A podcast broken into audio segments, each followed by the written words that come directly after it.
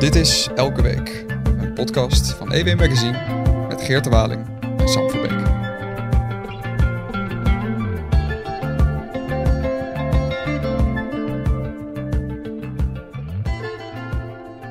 Geert, hè? Sam. Terug uit het Verre Oosten? Ik ben terug, ja zeker. Ik ben een, uh, heel snel een weekje op en neer naar uh, Indonesië geweest, op een persreis. was erg interessant, kan ik je vertellen.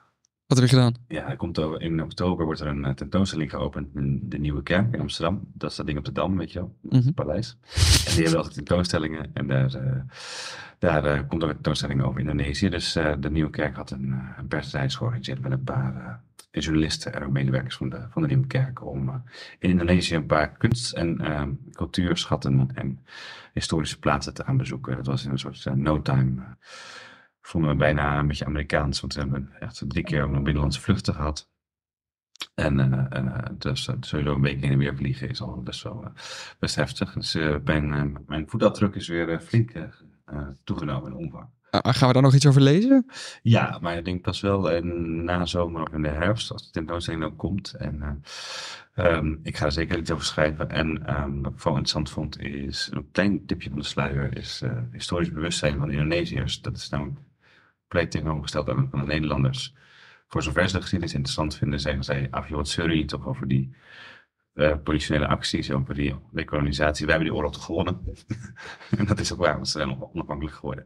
Heel interessante kijk erop, maar heel erg veel nuances, grijstinten, uh, et cetera. Dus ik ga er zeker nog eens iets mee, iets mee doen. Uh, misschien ook wel in deze podcast.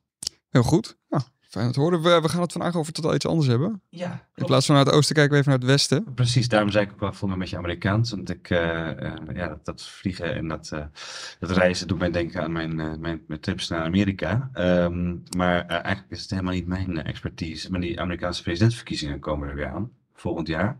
Eind 20. Wat betekent dat ze nu beginnen? Dat betekent dat ze nu beginnen, inderdaad. En nou ja, wie weet er meer van dan onze eigen directeur Victor Bak. Welkom, Victor. Goeiedag. Hey, jij bent echt een enorme, enorme ja, Amerika-kenner uh, en liefhebber, denk ik. Uh, of is dat niet hetzelfde? Uh, het hoeft niet hetzelfde te zijn, maar ik ben het wel allebei. Je kan ook altijd beter rijden door Amerika dan vliegen, want dan kan je veel meer, mm. qua dat liefhebberschap, kan je veel meer opdoen. Je ziet veel meer van het land, je, je spreekt meer mensen en dan kan je daar echt optimaal van genieten. Dat zou altijd mijn tip zijn. Klopt, ja, nee, dat kan ik beamen. Uh, en uh, begint dan een beetje te kriebelen bij jou, de verkiezingskoorts?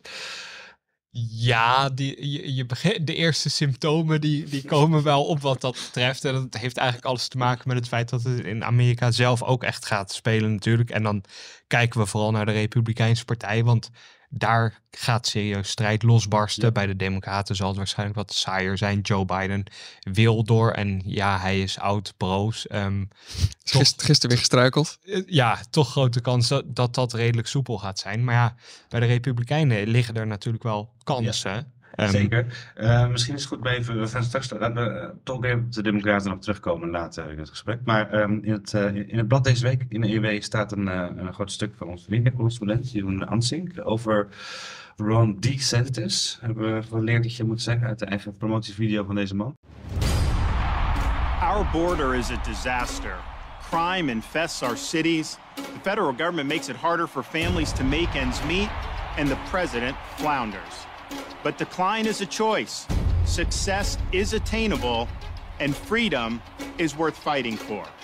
Righting the ship requires restoring sanity to our society, normalcy to our communities, and integrity to our institutions. I'm Ron DeSantis, and I'm running for president to lead our great American comeback.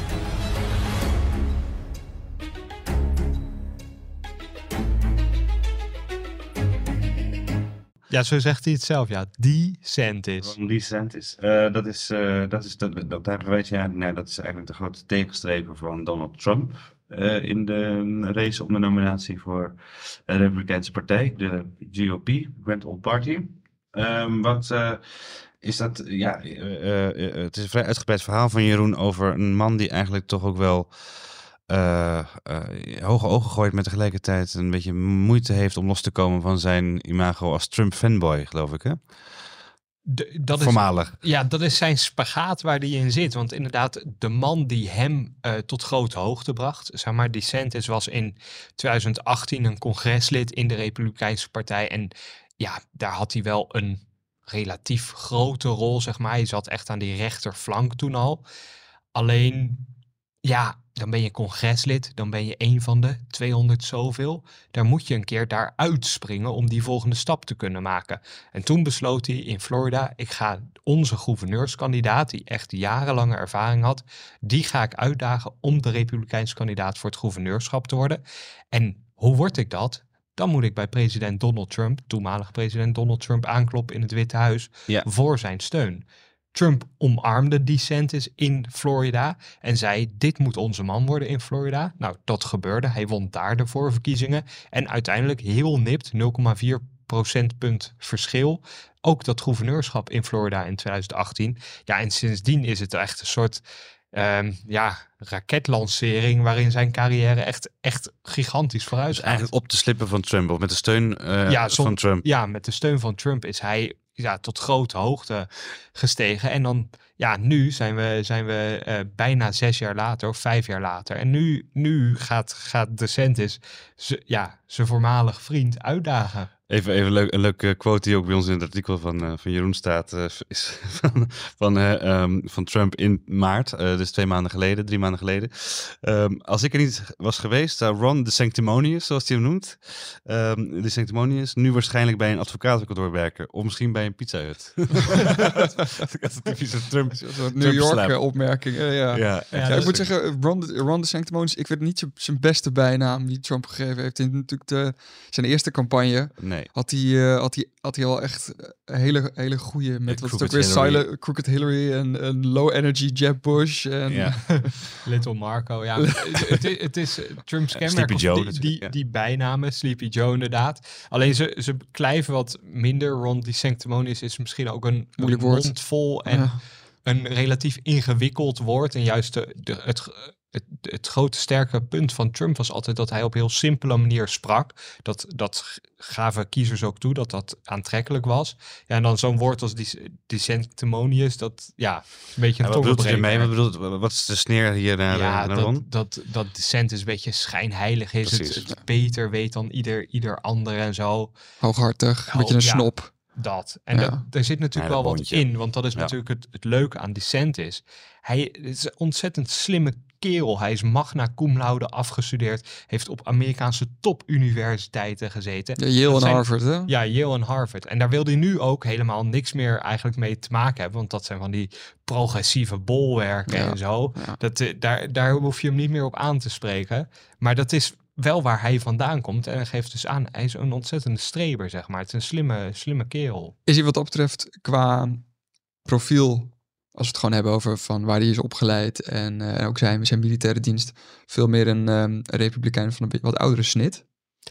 Nou, in, op dat punt wel. En je zag ook eigenlijk in 2019, toen hij in zijn eerste jaar als gouverneur, toen was hij eigenlijk echt een klassieke republikein. Nee, Iemand zoals George W. Bush was, of zelfs nog verder terug Ro- Ronald Reagan of zo. Dat niveau aan echt van het klassiek republikeinse beleid. En ook nog kleine overheid, intellectueel wel. Dus weet je, we staan voor een kleine overheid, weinig overheidsbemoeienis, maar ook een beetje pragmatisch. Hij, hij vond zelfs dat, nou ja, er was een referendum geweest in Florida over cannabisverkoop. Nou, en daar kon hij zich eigenlijk wel achter scharen, want moet de staat dat dan wel verbieden als zoveel ja. mensen eh, dat wel willen kopen? Ehm, ja, dat zijn keuzes die hij toen nog maakte. Ja, en eigenlijk in de coronacrisis is wel een soort omslag gekomen naar, naar dat populistische republikeinse beleid waar Trump ook voor staat. En DeSantis ging zelfs echt nog verder. Die was, hoefde niks van de COVID-maatregelen te hebben. Die heeft Florida als een soort vrijheidsstaat verklaard. En die, die, in deze campagne valt hij ook Trump aan op bijvoorbeeld de, de razendsnelle en goede ontwikkeling van het coronavaccin. DeSantis zegt, ja, dat heeft die Trump ons allemaal opgedrongen en dat had hij helemaal niet hoeven doen. Ja. Dus dat is echt echt heel anders. En, en eh, ook een ander thema waarin hij zich heel erg roert is een beetje de, uh, de woke-discussie. Uh, vooral de LHBT, LGBT-propaganda, zoals hij dat geloof ik ziet. Of de ideologie. Ja, zo ziet hij dat, ja. ja. ja. dat is ook echt, echt een, dat was ook een speerpunt van Trump altijd natuurlijk al. Um, en van de Republikeinse Partij in bredere zin in de afgelopen jaren. Maar waar, zet hij daar ook weer nieuwe stappen in, die DeSantis? Die heeft hij eigenlijk al gezet als gouverneur. Vooral vorig jaar kwam hij met een wet uit die zeg maar ja. genderonderwijs in, in eerst basisscholen en dat werd later ook uitgebreid naar middelbare scholen, waarin hij dat genderonderwijs eigenlijk aan banden legt. En dan tegenstanders daarvan die zeiden van ja dit is een soort van uh, don't say gay wetgeving, oftewel praat niet meer over bijvoorbeeld homoseksuele gevoelens, dat soort uh, onderwijs moest allemaal geschrapt worden. En dat, dat is ook nu gewoon het staande beleid in Florida. En dat is wel echt ja, hij, omdat hij vrij veel macht heeft als gouverneur in Florida, ook omdat natuurlijk het parlement in die staat aan zijn zijde staat, heeft hij dat zover kunnen doorvoeren. Ja, en je ziet ook dat dat wel voor problemen zorgt. Want bijvoorbeeld een grote werkgever in Florida, Disneyland, die uh, zeggen, ja, wij zijn niet eens met deze wetgeving. En ja, die staan ook voor de keus, waar, waar houden we ons personeel aan en dergelijke. Maar ja, voor DeSantis, die vindt dit een heel belangrijk onderwerp om zich te profileren tegen woke zijn en ja, eigenlijk ook tegen die hele genderidentiteit en genderideologie. Denk je dat hij dat ook gedaan heeft met uh, de presidentsverkiezingen in het vooruitzicht? Dat hij toch iets kan aanwijzen van, hè, hè ik ageer hier tegen. Een prestatie of een... Uh, ja. ja. Ik, als wetgever. Ik denk dat het losstaat van die kandidatuur. We weten van DeSantis dat hij eigenlijk heel lang wel heeft getwijfeld of hij wel wel kandidaat wilde stellen. Want ja, het is, er zit een groot afbreukrisico. Je kan zomaar à la uh, Marco Rubio eindigen dat je eigenlijk geen deuk in een pakje boter slaat. En dat Trump er gewoon mee vandoor gaat. Dus ik, het, hm. dit beleid tegen eigenlijk dat LHBTI-onderwijs, dat past ook gewoon bij zijn visie op de maatschappij. Ja, ja.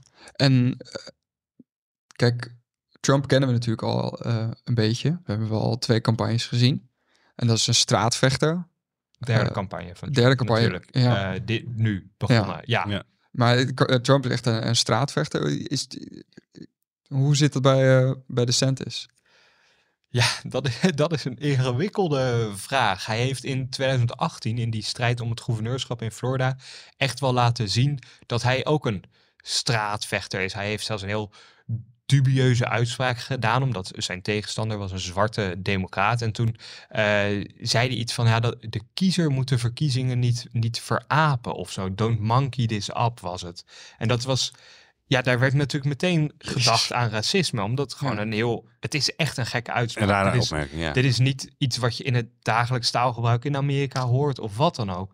Dus was dit nou echt racisme of verspreking een of vreemde uitspraak? Dat is nooit helder geworden. Hij heeft uiteindelijk ook nooit zijn excuses aangeboden. Hij heeft wel altijd gezegd: ik heb hier nooit iets racistisch mee bedoeld tegen mijn opponent. Maar het, was, het is een beetje een, een verwijt van een hondenvleisje. uitspraak, zeg maar. Dat, dat is het inderdaad. En dus kan je wel zeggen, nou, heeft die karaktereigenschappen van een straatvechter misschien wel in zich. Alleen ja, als je tegen Trump opneemt, dan moet je bereid, te zijn, moet je bereid zijn om net zo fel te worden als Trump zelf uh, doet. En ik weet niet of de census helemaal op dat niveau staat. Want uiteindelijk, dit is dus wel iemand die op Yale en Harvard is opgeleid. Hè? Dus dat is ook die andere kant. En je ziet in zijn campagne heel erg een tweespalt nu. Als hij in gesprek gaat met, uh, met kiezers in, in de eerste staten die in januari 24 naar de stembus Iowa, gaan. Iowa, New Hampshire? Ja, Iowa, New Hampshire. Dan, dan, zie je, dan zie je hem soms echt een beetje het ongemak aan hem af, zeg maar. Hij vindt dat toch lastig om, ja, toch de gemiddelde Amerikaan, zeg maar, om daarmee in contact te komen. Waar Trump dat natuurlijk heel natuurlijk afgaat. Ja, hey, en uh, hij probeerde ook lekker hoog over uh, met zijn campagne-aftrap. Uh, met, met de start van zijn campagne ja. begon. Dat was natuurlijk echt een, een, eerste blunder die misschien ook wel meteen bes, van beslissende invloed zal blijken. Want wat gebeurde er nou? Hij ging met Elon Musk samen zitten. En dan ging hij op Twitter, Spaces heet dat geloof ik. Ja, dat is een soort live gesprek. Eigenlijk ja, radio, gesprek. maar dan op Twitter. Zo kan je Twitter, Twitter Live Radio ging hij dus zijn kandidatuur aankondigen. Maar dat ging technisch voorkomen mis, hè? Het ging helemaal mis. Er was gewoon geen verbind, er was geen doorkomen aan, er was geen verbinding te maken. Ik probeerde dat zelf ook en ik werd de hele tijd uitgezet, zeg maar. Het is alsof je een soort ja, digitale kamer wil betreden om bij dat gesprek aan te kunnen haken. Nou, ik kwam er echt niet tussen en op een gegeven moment ben ik maar gaan slapen. Maar ja, dat, was, dat is echt zo'n keuze waarvan ik denk, joh, DeSantis, jij denkt misschien dat hè, als je op Twitter heel groot bent, dan Dat het hip is of zo. is dat cool Ja. en dan, dan bereik je de kiezer. Maar ja, Twitter ook in Amerika heeft echt niet zoveel eh, kijkers. Als je bijvoorbeeld haalt, als je gewoon een klassieke persconferentie doet en dan ja, nodig ook, nieuwschannels. Ja. nodig ook gewoon CNN maar uit, dan, dan hou je gewoon miljoenen kijkers. En dat Ja. haalde dit, dit krakkemikkige gesprek, wat uiteindelijk toch wel doorgang vond, daar, daar hou je dat gewoon niet bij, zeg maar. Aan de andere kant... Trump lacht zich natuurlijk rot met deze. Dit is een cadeautje. ja, Trump lachte zich rot, ging allerlei grappen maken. Hij toonde een eh, video van een omgevallen raket van Elon Musk met dan de tekst van DeSantis erop. dat is heel geestig. Aan de andere kant, DeSantis campagne zei dat ze 8 miljoen dollar in de eerste 24 uur na die bekendmaking hadden binnengehaald aan, eh, aan fondsen, aan donaties. Trump ehm, presenteerde in, in december zijn aftrap. En die haalde 4 miljoen binnen. Dus dat is de helft minder. Dus uiteindelijk kan je toch niet zeggen dat die, dat die eh, campagne-aftrap helemaal desastreus is verlopen. Want de kassa rinkelde gewoon. Dat is waar, ja. Maar we weten ook dat Trump met relatief weinig geld, want in de vorige campagne, toen hij, of de voorvorige, toen hij president werd, is hij eigenlijk eh, met relatief weinig eh, middelen voor zo'n campagne heeft hij, heeft hij toch, eh, toch kunnen winnen. Ehm, wat denk jij eigenlijk?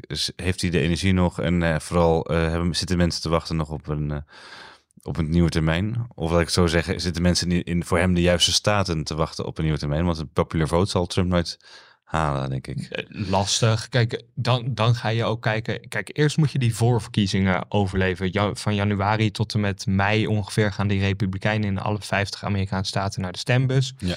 Die moet je eerst overleven. Nou, daar is Trump gewoon echt dik favoriet. Aan de andere kant zeggen zo'n 8 op de 10 Republikeinen nog wel dat ze aan het zweven zijn. Ze hebben een voorkeur voor Trump, maar ze zeggen ook een andere goede kandidaat kan mij nog overhalen.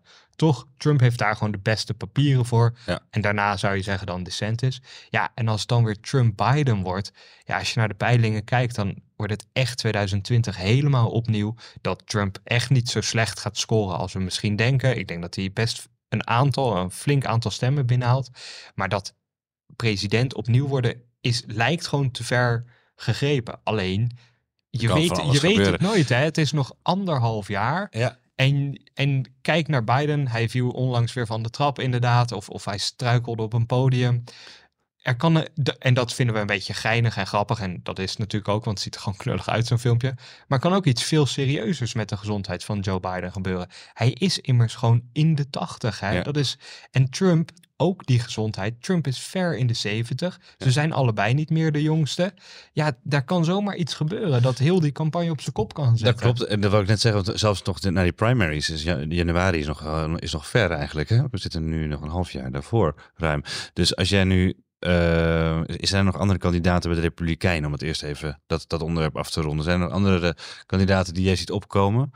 ehm, die misschien nog eventueel eh, langs zij kunnen komen bij DeSantis? En, Eh, en misschien zelfs bij Trump? Nou ja, de grote vraag is, gaat Mike Pence, de voormalig vicepresident onder Donald Trump, gaat hij ook een gooi doen naar het presidentschap? Dat zou een heel interessante kandidaat zijn, omdat hij ook toch wel een heel specifieke achterban heeft. Evangelische christenen kan hij echt aan appelleren. Ja. Die ziet, zitten nu nog grotendeels bij Trump. Nou ja, dat, dat kan zomaar een kandidaat zijn die die race ook een beetje kleur geeft. Zelf vind ik het heel interessant, Tim Scott, de enige zwarte republikeinse senator ehm, in, in, in de Senaat. En dat, dat is echt een, ja, Die heeft zich al gekandideerd. Of, die heeft zich Ja. al gekandideer, gekandideerd in dezelfde week als die. Sn- sneeuwt een beetje onder. Het, dat is echt een longshot kandidaat. Maar wel een waarvan ik denk, goh, als de Republikeinen toch eens voor zo iemand kiezen. Dat is iemand die zijn afstand heeft gehouden op, op, tot Trump. Maar wel delen van dat Trumpistische beleid gewoon omarmd heeft. Want dat heb je nou eenmaal nodig in de Republikeinse partij. ja, maar zonder ook- kun je niet meer. Hè? Zonder kun je niet Nee. meer. Maar ook wel echt klassieke republikeinse trekken heeft. Ehm, niet zo super orthodox is. Nou ja, dat, dat zou iemand zijn die bijvoorbeeld als je dan tegen Joe Biden komt te staan in de presidentiële verkiezingen. Zou dat zomaar echt een doorbraak kunnen zijn. Er staat een fris, jonger persoon tegenover zo'n oude democraat. Dat zou wel eens Ook nog een zwarte kandidaat van de Ja, Republikeinse dat- kant. Nou ja, en dat zou wel vernieuwend kunnen zijn. Alleen Ja. het punt is, zo'n Tim Scott, kom die voorverkiezingen maar, maar Mm. eens door. Dat is zo'n gigantische klus. En ehm, met, eh, met Ron DeSantis als, eh, als Italiaanse Amerikaan. eh, er is ook nog het gerucht dat de voormalige gouverneur van New Jersey, Chris Christie, Ja, om het echt de hele Sopranos bij elkaar te, te, te, halen, dat, dat die weer mee gaat doen. Die heeft natuurlijk wel in de, wat is ook weer, de vorige verkiezingen, heeft hij toen... toen, heeft toen hij het ook geprobeerd in, ze- in 16. Maar Chris Christie is iemand die flink beschadigd is en altijd wel weer zo'n balletje opgooit. En daarmee vooral Trump eigenlijk een dienst doet. Al heeft hij nu heel veel afstand genomen van Trump, terwijl het e- Ja. ze eerst goed bevriend waren. En nu neemt hij veel afstand. Alleen hoe meer kandidaten er uiteindelijk zijn bij de Republikeinen. Trump, iedereen kent Trump. ja, Veel minder mensen kennen Ron DeSantis. Nog veel minder mensen kennen, Ja. kennen Chris Christie of een Tim Dus Scott het is of het Nikki voordeel Haley. van Trump als er eh, Dus ja, veel Trump kandidaten. veel klein strooigoed dat, eh, dat tussen maakt de Ja. anti-Trump stem alleen maar verdeeld. Trump is, weet je, die is een soort vacuüm. Dat als je, als je met hem op een podium staat, dan, dan, dan sta je dan weer figu- figurerende rol of zo. Dat heb, figurant, ja, ja. dat, dat, dat, dat heb je toen En, gezien. dat- en dat met- gaan we zien en daarom spreken we het nu over. Kijk, in augustus gaan de eerste debatten plaatsvinden en zo. Dan gaat echt die verkiezingskoorts in, eh, gaat een paar bij. graden eh, optellen. Nou ja, je, je moet er nu vroeg bij zijn, want nu worden de kaarten alvast geschud. En als Precies. je nu eigenlijk je campagne niet goed neerzet, dan kan je het schudden straks in die voorverkiezingen. Nog één vraagje, ja, ook over uitzonderlijke en misschien ook wel in mijn oog wat verfrissende kandidaat, eh Nikki Haley. Ehm, zij, was, eh, zij is nog steeds, denk ik, eh, ambassadeur bij de VN. Voor de, Zij was of zij was, zij was onder, onder, onder onder, Trump. Trump. natuurlijk, sorry. eh, ja. Eh, en zij is eigenlijk, ik heb haar altijd gezien als een, eigenlijk een heel verfrissende stem in de Republikeinse partij. Ze ging wel met Trump mee, maar zonder de gekte. Ja. Van hem te omarmen ook, wat je net zei. Wat is haar status nu? Heeft ze zich al gekandideerd? Zij, zij is ook kandidaat en nou, de, de fundraising, dus de fondswerving gaat redelijk. Maar voor zo'n Haley is eigenlijk hetzelfde verhaal als Tim Scott. Je hebt een wat anders, ander verhaal. Eh Haley is bijvoorbeeld gewoon echt voor steun aan Oekraïne. Ja. Nou, dat is iets wat ik, dat vind ik zelf ook heel belangrijk. En best veel Amerikanen ook nog steeds. Alleen een Trump en DeSantis staan daar heel sceptisch in. Dus daar kan ze zich echt op onderscheiden. Ja. Alleen breek maar eens door in die cacophonie die dat is bij de Republikeinen. Heel vol Dat- podium. Ja, dat, dat en, wordt lastig. En het maar voelt wel, een beetje een raar moment inderdaad om zij nu als vrouw te shinen. Want Ja, maar dat maakt haar wel natuurlijk onderscheidend. Hè? Je moet Ja. iets hebben. En er staan uiteindelijk staan daar straks dan eh, vijf of zes mannen. En zij is tot nu toe de enige vrouw. Ja, en waar ze aan moet werken is naamsbekendheid. Alles staat en valt met bekend worden bij de kiezer. Ja. Weten wie je bent. En eh, Richard Nixon die zei geloof ik altijd ehm, in, eh, in de primaries run to the right. En, Ja, en en in dat- generals to the middle. Maar de Republikeinen doen dat de afgelopen jaren eigenlijk al bijna Ja, Eh, dat, dat stuk bij de, bij de general, bij de algemene verkiezingen, slaan ze als het ware over. Ze blijven maar naar rechts hollen. en, maar wat, je, we hebben, je hebt het net al gehad over eh, bijvoorbeeld Oekraïne en Rusland en de steun. Maar wat voor, wat voor thema's denk je dat ze eh, bij de Republikeinen in die voorverkiezingen veel over gaan, gaan, eh, gaan de- debatteren en eh, gaan aanhalen? Waar ze het sowieso over zullen hebben, is ook abortus. De Republikeinen hebben hun, hun zin gekregen, als het ware, met dat Hooggerechtshof. Het federale recht op abortus is afgeschaft. En hoe staan we er nu in? Moet er een landelijk verbod komen op abortus? Er zijn kandidaten die zeggen, ja, ik zou dat ondertekenen als dat op mijn presidentiële bureau komt.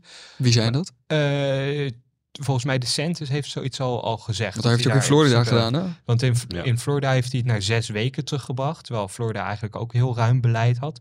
Nou, een zes weken termijn is eigenlijk niks. Dan maak je de keuze voor vrouwen zo goed als achter. dat is onmogelijk. eigenlijk een overtijdsbehandeling. eh, Ja, en- meer. en- ja. Ja. Tim Scott heeft gezegd, ja, in mijn eigen staat gaan ze ook naar die zes weken.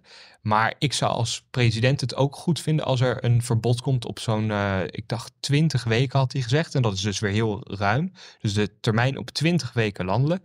Alleen conservatieve staten mogen dan zeggen, we maken het ook, Ja. eh, we maken het ook Strenger. strenger, ja. Ja, ja. Eh, we- wij houden het op die zes weken. Dus zo'n Tim Scott zit dan toch iets meer aan de, aan de ja, openere kant in zo'n debat.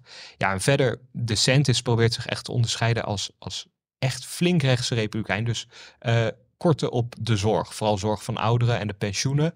Daar zit hij echt rechts van ten opzichte van Trump. Trump Nee, valt dat, dat, Flo- ook dat, aan. in- dat in Florida toch een beetje de, de bejaarde... Ja, dat is echt heel opvallend. Maar ja, Florida komen Ja, veel staat. mensen heen om te overwinteren, Ja. inderdaad. Ja, dat is, dat is zo. Maar toch, toch echt, als je kijkt naar wat, Pensionado's, ja. wat Ja. de Centis wil met sociale zekerheid... en zeker zorg voor ouderen en die AOW... daar is hij echt veel strenger in. Gaat hij veel verder dan Trump. Hm. En Trump ziet daar ook ruimte om hem op aan te vallen, als het ware. En dat is heel opvallend dat Trump eigenlijk niet meer de meest rechtse kandidaat is van die republikeinen.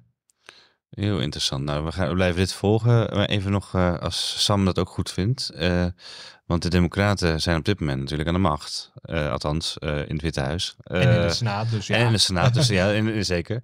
Ehm, maar wat, eh, wat, wat, ja, we hadden het nou even over Joe Biden. Dat struikelen, dat, is, dat ziet er niet vrij uit. Eh, eh, aan de andere kant blijft hij, is zijn regering redelijk stabiel, heb ik het idee. Redelijk sterk. Extreem, extreem stabiel. Er is heel weinig verloop aan medewerkers. En natuurlijk, als je kijkt, bij Trump was dat ook echt heel hoog. Maar Ja. ook als je het afzet tegen Obama, dan heeft, ja, Biden doet dat heel soepel. Mag misschien ook wel als je echt tig jaar aan ervaring hebt natuurlijk. Dat je Hij is al dat eh, moet. 60 jaar actief in de politiek, Ja. geloof ik. Hè? Ja. Zeker, dus dat helpt. Ja, maar, en, maar dat is oké. Dus, dus- en die heeft zijn kandidatuur dus eh, bekendgemaakt om nog door te gaan. Eh, de oude baas, zal ik eh, bij, bij zeggen. Eh enigszins liefkozend. Maar ehm, hij heeft ook toch wel weerstand in de, in de Democratische Partij, neem ik aan. Toch? Er zijn toch wel nog wat mensen die... Zich zorgen maken. die, kans Ja. ruiken. Of die er misschien ook wel op, op ja, hopen, klinkt een beetje cru, maar op rekenen dat er misschien wel iets met hem gebeurt in de tussentijd. Ik, ik zou zelf, als ik soort van zo iemand als DeSantis, hè, wat we schetsten over hoe hij zich wist te onderscheiden met die gooi naar het gouverneurschap. Als je nu een talentvolle democraat bent, zou ik toch serieus overwegen om Biden gewoon uit te dagen. Om gewoon te zeggen, goh, Joe, je hebt het geweldig gedaan, stabiliteit gebracht na een roerige periode, na 6 januari, et cetera, et cetera. De bestorming van Maar- het kapitool. ja. eh, ja, ja. Maar het is tijd voor het, voortzetten van jouw beleid, maar met een frisse geluid, met een jonger persoon, et cetera, et cetera. Ik zou echt die kans grijpen. Ja. Ook al kan dat afbreuk doen, dan zet je jezelf ook meteen op de rit voor 2028. Want tot nu toe is de enige tegenstand van Biden is een ex-spirituele docent die het ook al eens in 2016 en 2020 probeerde. Marianne Williamson. Ja, Marianne Williamson. Ja, en een vaccinatieontkenner met de naam Kennedy. Dus dat scoort dan wel Camelot. weer. Dat is Ja. de zoon van eh, Bobby. Eh, ja. ja, Robert. Bobby, Bobby Ja. Junior is dit. ja. Ja. En dat is, ja, dat, zo'n, die profileert zich ook dus vooral Maar die is- die is niet vaccin, vaccinatie-ontkenning en zo. Hij heeft overigens Dat- niet de steun van de Kennedy-familie. Nee, de, goede mag wel even... Maar goed, het, het is een Kennedy, dus dat, dat telt natuurlijk toch mee. Want die Ja, nou, naamsbekendheid meteen. Komt dat weer terug? Ja. Dat is tot nu toe de enige weerstand tegen Biden. Ja, dat schiet niet op, zeg maar. Hey, zou het ermee te maken kunnen hebben dat als je als jonge, talentvolle eh, politicus eh, en democraat, als je je kandidaat gaat stellen en een heel erg stevige campagne gaat voeren, dat eh, de partijtop van de Democratische Partij dat, dat niet waardeert? Dat die eigenlijk een soort bandwagon... eh, Die, dat klopt, want kijk naar 2008, naar Obama. Alleen wie werd toen president? Obama die keerde zich tegen Hillary Clinton. En Clinton was toch echt wel toen ook al de kroonprinses van de Democratische Partij. Obama ging er toch voor en die won. ja. En dus je, je, het, het kan wel. Heb je iemand in gedachten? Eh. Niet dat je hier Kingmaker moet gaan spelen hoor, maar eh, Nou, zo- die invloed heb ik ook niet. Maar ik, ik Nou, onze zelf podcast denk, wordt goed ik denk zelf wel eens. grote rijkwijde. eh, Alexandra Ocasio-Cortez is ja, dat wou ik nog vragen. een bekende naam, zelfs hier in Nederland. AOC zelfs. is heel links. Bernie heeft al gezegd, ik ga niet tegen, tegen Biden optrekken. Terwijl Bernie Sanders, Bernie ja. Sanders natuurlijk in 16 en in 20 allebei een beetje de, de nar was van de Democratische Partij, van de gematigde Democratische Partij. Nou, ik denk wel eens als EOC zijnde, waarom probeer je het niet? Je kan je dan profileren echt als, als het gezicht van, van echt links Amerika, zeg maar. Ik bedoel, zij is super progressief. Zij heeft eigenlijk heel weinig op met zo'n zo'n oude, gematigde, klassieke democraat als Biden. Nou, ga er eens voor. Geef een beetje jeu aan die voorverkiezingen. En wie weet, krijg je het zomaar voor elkaar, hè? Obama lukte het ook in 2008. Ja. Maar zou je dan, maar dan krijg je dus een, een, een heel erg rechtse kandidaat, als we even vanuit gaan dat het Ron DeSantis of, of, Trump de. Donald wordt, Ja, eh, tegenover wat voor Amerikaanse begrippen een extreem links is. Is dat Ja. verstandig? EOC. Waarom moet je niet juist die, dat idioom gaat- van Nixon dat je Het toch gaat- naar het het gaat midden mij moet? niet om wat, nou ja, wat, wat is verstandig. Ik denk, zeg maar, als ik dus naar haar persoonlijk kijk, denk ik dat het verstandig zou zijn, omdat je jezelf ook op de rit zet naar 2028. Ja, ja. Als je je afvraagt van, als je kijkt vanuit de visie van ja, Trump heeft serieus schade gedaan aan de Amerikaanse democratie en Trump maakt tegenover een Biden veel minder kans dan tegenover een AOC, want te- tegenover AOC zou die zomaar heel goed kunnen winnen. Ja, als je vanuit dat perspectief opereert, dan zou ik ook zeggen, doe het niet AOC. Koester toch een beetje die Amerikaanse democratie, want je weet niet wat je in huis had met Trump. Dat vind ik ook mijn grote bezwaar in die zin tegen Trump is gewoon hoe hij om is gegaan met 6 januari. En ook daarna natuurlijk die, het continue in twijfel trekken van die verkiezingen in 2020, die gewoon goed zijn verlopen. En die documenten die hij had meegenomen, is daar nog iets uitgekomen? Is er nog een... eh, Nou, al die onderzoeken lo- lopen nog. En dat, is ook waarom ik denk dat de Santis er dus voor gaat. Je weet dat Trump misschien strafrechtelijk gewoon nog serieus een Dat- stok tussen de wielen krijgt. dat hij in de, in de bak kan belanden? Ja, en dan kan je nog steeds op het, op het, eh, op het stembiljet komen staan. Dus in die zin scheelt dat voor Trump. Dat zelfs eh, vanuit een land, cel kan je verkozen worden. Free the Donald stem wordt het dan. eh, ja. Maar, maar goed, dat zijn wel. Het is, het, de onderzoeken lopen nog. En die lopen echt op een heel hoog niveau bij het ministerie van Justitie. Dus daar, daar kan in anderhalf jaar tijd echt wel iets mee gebeuren. Hey, ja, dat ook, maakt het allemaal wel spannend eigenlijk. Hè? En ehm, nog een puntje. We hebben nu als vicepresident Kamala Harris, of we, ik bedoel de Amerikanen, maar we hebben het er zo vaak over dat we vaak. dat- dat dat land- lijkt op Nederland de 51ste staat van Amerika. Ja, dat, dat, dat land is, heeft zo'n invloed dat je soms bijna rancuneus wordt die zelf niet mag stemmen. Ja, precies. Ja. Nee, Ja, maar ehm, kijk naar Oekraïne, hoeveel die Amerikanen wel niet doen. Dat, vind, dat is voor mij altijd de rechtvaardiging. Wij hebben het dan, Macron heeft het dan, de Franse president, over strategische autonomie. En Ja, dan kijk dan eens Europa. naar Oekraïne. En dan zie je toch hoe belangrijk het wel niet is dat Ja. Amerika, wat al decennia lang voor onze veiligheid ook betaalt met de NAVO en dergelijke, Ja. dat we dat goed volgen, vind ik dan heel, terecht, heel erg rechtvaardig. Waarvan achter punt gemaakt. Eh, maar eh, Kamala Harris noemde ik eventjes, dat is de vicepresident. Ehm, zij eh, is eh, niet echt heel erg zichtbaar. En als ze zichtbaar is, dan eh, raaskalt ze nogal. Het lijkt alsof zij eerder voor dementie in aanmerking komt dan die hele oude president nou, dat is een beetje flauw, maar ze staat er niet goed op.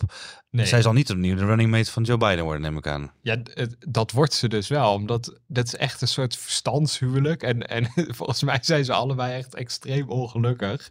Ehm, ja, dat is echt, echt waar. Als je kijkt naar ehm, Biden toen hij vicepresident was, die had gewoon wekelijks een lunchafspraak met Obama. En dat was Ja. eigenlijk bijna heilig in die agenda. Die waren echt partners, hè? Obama ja, en en, in Biden. het eerste jaar van Biden en Harris was diezelfde belofte er. We gaan lekker samen lunchen wekelijks. Zo romantisch. Nou, dat is drie keer gebeurd of zo tot nu toe en verder niet. Dat geeft wel aan dat die samenwerking tussen hun twee gewoon ontbreekt eigenlijk. Dat het loopt een gewoon Een soort Roosevelt-Truman. eh, ja, eh, alleen, alleen het punt is dat, nooit dat zien. Biden gewoon kan Harris eigenlijk niet, niet niet van de ticket gooien. Omdat zij is een vrouw. Ze heeft vertegenwoordigt be- bepaalde achterban natuurlijk als dochter van immigranten. Ja. Als gedeeltelijk Afro-Amerikaanse. Dat is gewoon iets waar ze is officieel... Maar dan hebben ze er nog meer van in de Democra- Democratische Partij die Ja, daarvoor aan aanmerking alleen- komen. Als hij nou, EO, als hij nou EOC als running mate zou nemen, nou, dat is ja, maar dan, dat wil is je dat niet. dus te, te links in die zin. Ja, maar dat Kijk, wil EOC het- toch ook het niet? Het is een rotbaan. Het gekke is dat Harris, of ja, dat Harris past helemaal bij Biden als ze niet zo ehm, naar links was getrokken in die, in die Voorverkiezingen. Eh, Harris was eigenlijk iemand die, die een vrij rechtse democraat was. Ze was heel streng bijvoorbeeld op criminaliteit in San Francisco en later in haar tijd in Ja. Californië. En toen is ze in de voorverkiezingen in 2020 is ze heel erg naar links opgeschoven. Ja, het heeft Ja, ze Biden toch ook nog een ze- verkapte racist genoemd? Inderdaad, eh, daar wilde ik naartoe. Dat Ja. heeft ze in een debat gezegd dat ja, een besluit van Biden of een stem in de jaren zeventig, dat dat eigenlijk verkapt racisme was. Ja, daar is heel veel kwaad bloed mee gezet. En Biden is zo iemand dat als je daar één keer iets eh, verkeerd mee doet, een kwade uitspraak in de media of wat dan ook, dat vergeet de familie Biden, en dan bedoel ik dus ook echt de familie, want Jill zit daar, zijn vrouw zit daar Ja. ook heel streng op, die vergeten dat niet meer. Die cold shoulderen Ja, dus even en die blijft de vicepresident. Ja. dus dat betekent dat de, de Naval Observatory waar de ehm, vicepresident woont is heel vlakbij het Witte Huis. Maar de, dat, is- gaan wij, gaan wij nog op en neer naar elkaar. dat is een enorme En de- afstand. Een soort ja. Nancy Reagan. Biden zou gezegd hebben dat hij eigenlijk geen kandidaat meer wilde zijn volgend jaar. Maar dat hij eigenlijk niet denkt dat Harris van Trump kan winnen. Dus dat, vandaar dat Biden het weer doet. Dat is een citaat dat aan ja, anonieme bronnen is toegeschreven in verschillende Amerikaanse media. Maar het is wel echt extreem pijnlijk. Zo. Ja, maar het, bedoel, kijk, dat denk ik ook wel. Maar dan het, bedoel, het is toch niet als Biden het niet gaat doen, dan gaat Harris het doen. Bedoel, dan, Ja, kijk, zo- als hij het niet zou doen, dan zouden er toch anderen op staan. N- Ja, maar een van die anderen is dan Harris. En Harris is dan de vicepresident. En dat ga je denk ik ook in 2028 zien. Als je vicepresident bent, ja, dan heb je toch een beetje een streepje voor. Hè? Kijk ook maar naar 2000. El Gore was ook gewoon logisch dat, dat hij het werd. Dat je de nominatie krijgt. Dat je de nominatie krijgt. ja, Ja, want winnen is... Winnen is dan het volgende. Ja, maar dat, Vaak dat, gaat dat mis. Ja, dat, ja, precies. Eh, Dat sinds Bush... het eh, was B- Bush ja. senior, ja. Zo, nou, ik, ik zit toch even met open mond weer te luisteren naar Victor. Je weet ook wel heel goed te brengen. Eh, maar die soap die, we- die we die zien, zien ontvouwen, die eigenlijk steeds meer vertakkingen kent. Ik kan me niet herinneren bij vorige verkiezingen. Ja, het was natuurlijk in het jaar van 2016 dat Trump verkozen werd. was natuurlijk ongelooflijk wat er Dat, gebeurde. ja, dat was het meest surrealistische jaar. Maar dat er nu allemaal, wat er nu allemaal aan, aan, aan potjes op het vuur staan voor mogelijk surrealistische verhalen die eruit komen. Of, Ja, en we hebben natuurlijk in 2020 was die verkiezingen waren op voor een groot gedeelte tijdens corona. Ja. Dat heeft ze eigenlijk, het was, dat heeft een heel, normaal gesproken is dat echt een feest.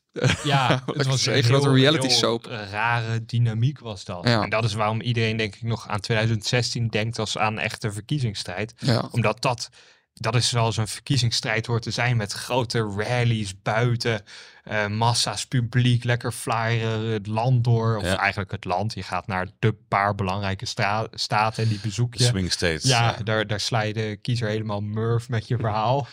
en dan win je verkiezingen. Dat, Ja. dat is het idee. Canvassen, bellen, eh, aanbellen. Ja. kan, kan het zijn hè, dat eh, bij de Democraten dat als je dan bij wijze van spreken het eerste debat hebt gehad en Joe Biden daar misschien een beetje staat te stuntelen, dat, dat nieuwe kandidaten zich dan, dan aanbieden? Het kan natuurlijk gewoon zijn dat hij het echt, dat was de, de laatste verkiezingen was het al. Die, het kan, nou ja, kijk, de, de debatten tussen Trump en Biden gingen best oké. eigenlijk, voor, zeker ook wel voor Biden. Ook omdat Trump wel echt, eh, ja, gewoon losgeslagen was. Ja. Ja, Ik denk, denk het niet, omdat je dan toch al vrij laat bent. Ik vraag me überhaupt af of Biden een debat binnen de Democratische Partij gaat doen. Zolang zijn uitdagers echt twee ja, wappies, zeg maar, zeg je dat dan eigenlijk. Zo, zien Amerikanen dat zelf ook zijn. Dat Ja, gaat, dat, dat- gaat Biden niet doen. Dat kan hem alleen maar sch- schaden en het levert hem niks op. ja, natuurlijk. Precies. En dat gaan we volgen en hopelijk je dan ook bij ons eh, nog de gast eh, weer Zeker. komen, Victor. Want het is altijd leuk om naar je te luisteren. Eh, lees ook de artikelen van Victor Pak en ook van onze correspondent Jeroen Ansink in eh EW Magazine. Ehm, of op ewmagazine.nl. Ehm, en abonneer je op deze podcast en blijf luisteren. dit was Elke Week, een podcast van EW Magazine met Geert de Waling en mij, Sam Verbeek. Zoals elke week kan je de besproken artikelen ook vinden in onze show notes. Vond je dit een leuke podcast? Abonneer je dan en laat een leuke review achter. Heb je vragen of opmerkingen? Geert kan je op Twitter vinden onder Geert de Waling. Ik ben op Twitter te vinden onder SamWV. Je mag me natuurlijk ook mailen naar sam.verbeek.ewmagazine.nl Dank voor het luisteren naar elke week. Tot volgende.